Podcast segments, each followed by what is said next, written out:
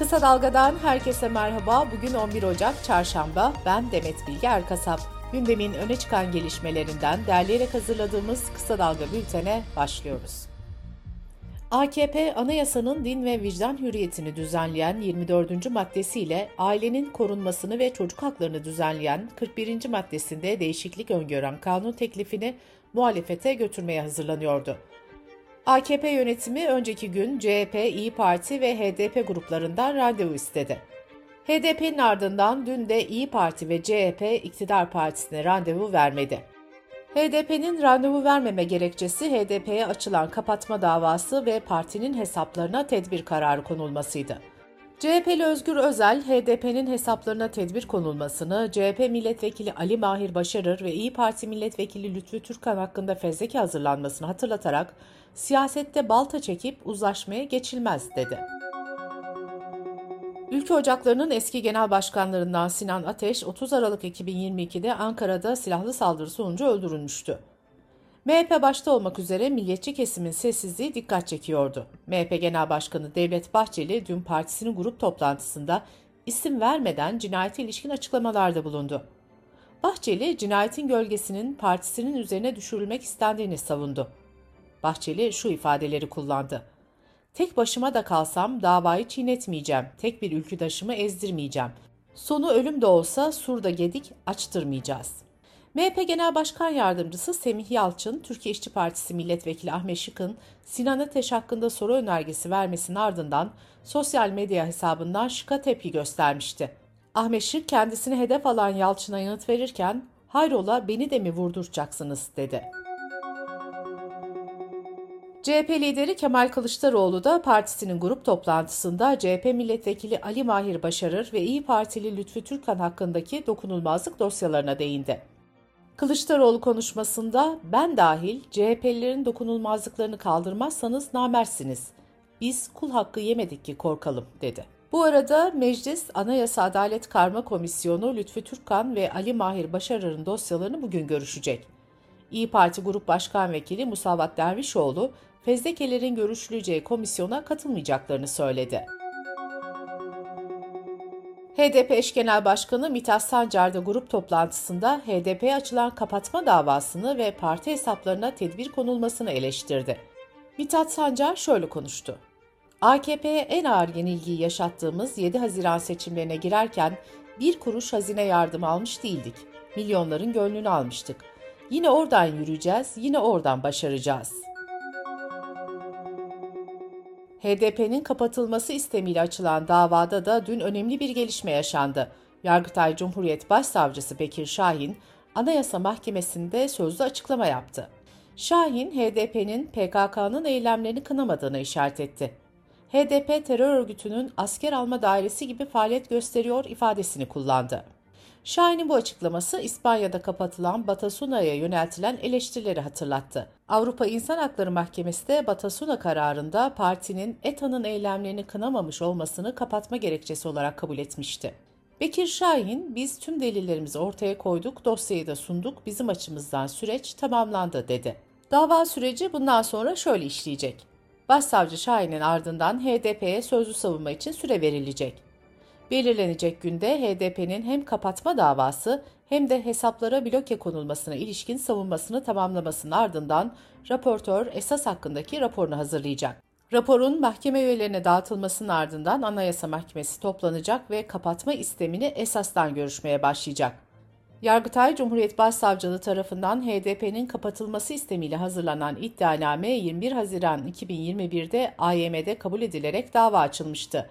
İddianamede partinin temelli kapatılması ve hazine yardımlarından da tamamen yoksun bırakılması talep ediliyor. Gazeteciler Cemiyeti 10 Ocak Çalışan Gazeteciler Günü'nde 2022 yıllık medya raporu ve mesleki memnuniyet araştırmasının ön sonuçlarını açıkladı. Rapora göre 2022 yılında 78 gazeteci gözaltına alındı. 60'tan fazla gazeteci saldırıya uğradı. Cezaevlerinde halen 43 gazeteci bulunuyor. Gazetecilerin %61'i de haberleri nedeniyle tehdit edildi. 2022'de Rütük en çok cezayı 2021'de olduğu gibi Halk TV'ye verdi. Halk TV'ye 23 kez ceza kesen Rütük, Tele1'e 16, KRT TV'ye 6, Fox TV'ye de 5 kez ceza kesti. İstanbul'da 19. Onur Yürüyüşü sırasında polis şiddetine maruz kalan foto muhabiri Bülent Kılıç'ın tazminat talebini inceleyen İstanbul 8. İdare Mahkemesi, gazeteciye müdahale eden polislerin orantısız güç kullandığına hükmetti. Mahkeme Bülent Kılıç'a toplamda 30 bin lira tazminat ödenmesine karar verdi. Sağlık Bakanı Fahrettin Koca, kanser hastalarına sahte ilaç kullandırıldığı iddiasına ilişkin açıklama yaptı.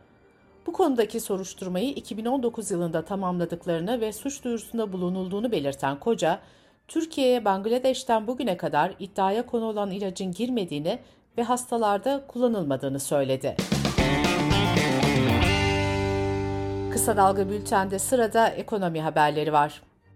Emekli aylığı %30 oranında artırılmasına rağmen en düşük emekli aylığı alanların sayısındaki dramatik artış dikkat çekti.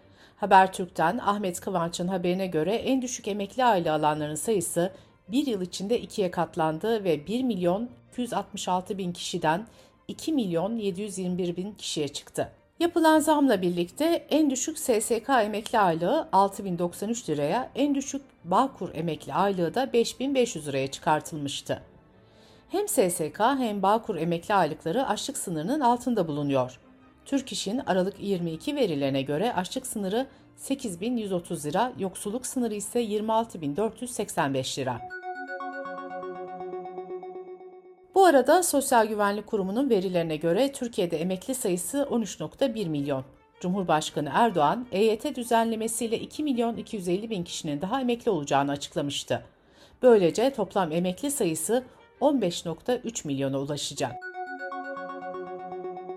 Türkiye İstatistik Kurumu Kasım 2022 ilişkin iş gücü istatistiklerini açıkladı.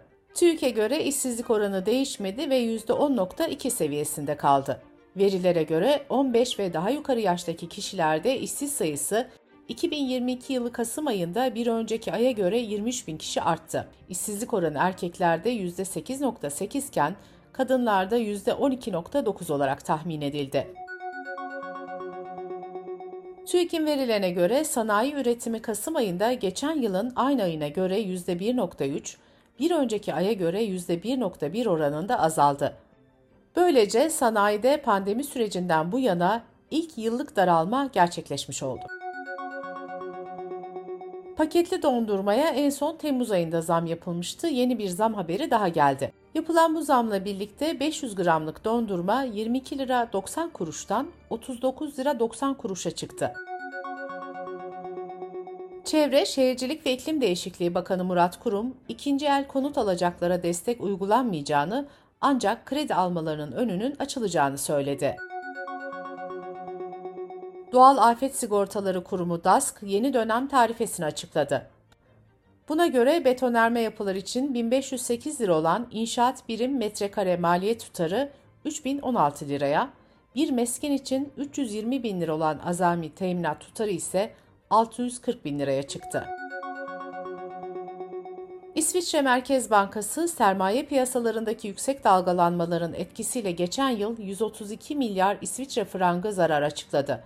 Bu rakam İsviçre Merkez Bankası'nın 115 yıllık tarihindeki en büyük zarar olarak kayıtlara geçti. Dış politika ve dünyadan gelişmelerle bültenimize devam ediyoruz. İran'da Mahsa Amini'nin ölümünün ardından başlayan protestolara katılan 3 kişi hakkında daha idam kararı verildi. Bu arada gösterilerde gözaltına alınan eski Cumhurbaşkanı Rafsanjani'nin kızı Faize Haşimi, kamu düzenini bozmak ve rejim karşıtı propaganda suçlarından 5 yıl hapis cezasına çarptırıldı. ABD Dışişleri Bakanlığı Sözcüsü Ned Price ise Rusya ile Ukrayna'da kanıt bulduklarında Tahran yönetimini savaş suçundan sorumlu tutacaklarını söyledi. İran'ın Rusya'ya verdiği silahların sivillere karşı kullanıldığını belirten Price, Rusya'nın savaş suçu işlediği kanaatine vardıklarını ancak diğer yabancı ülkeler için henüz resmi bir tespitte bulunamadıklarını dile getirdi. Brezilya'da Ekim ayında yapılan başkanlık seçimlerini kaybeden Bolsonaro'nun destekçileri başkentte kongre ve yüksek mahkemeyi basmış, başkanlık sarayını kuşatmıştı. Ülkede o hal ilan edilmişti. Brezilya'da gerginlik devam ederken 1500'den fazla kişinin gözaltına alındığı açıklandı. Peru'da ise devlet başkanı Dina Boluarte'nin istifa etmesini ve erken seçime gidilmesini talep eden eski devlet başkanı Castillo destekçileriyle güvenlik güçleri arasında yaşanan çatışmalarda 14 kişi daha hayatını kaybetti. 11 Aralık 2022'den bu yana protestolarda ölenlerin sayısı 43'e yükseldi.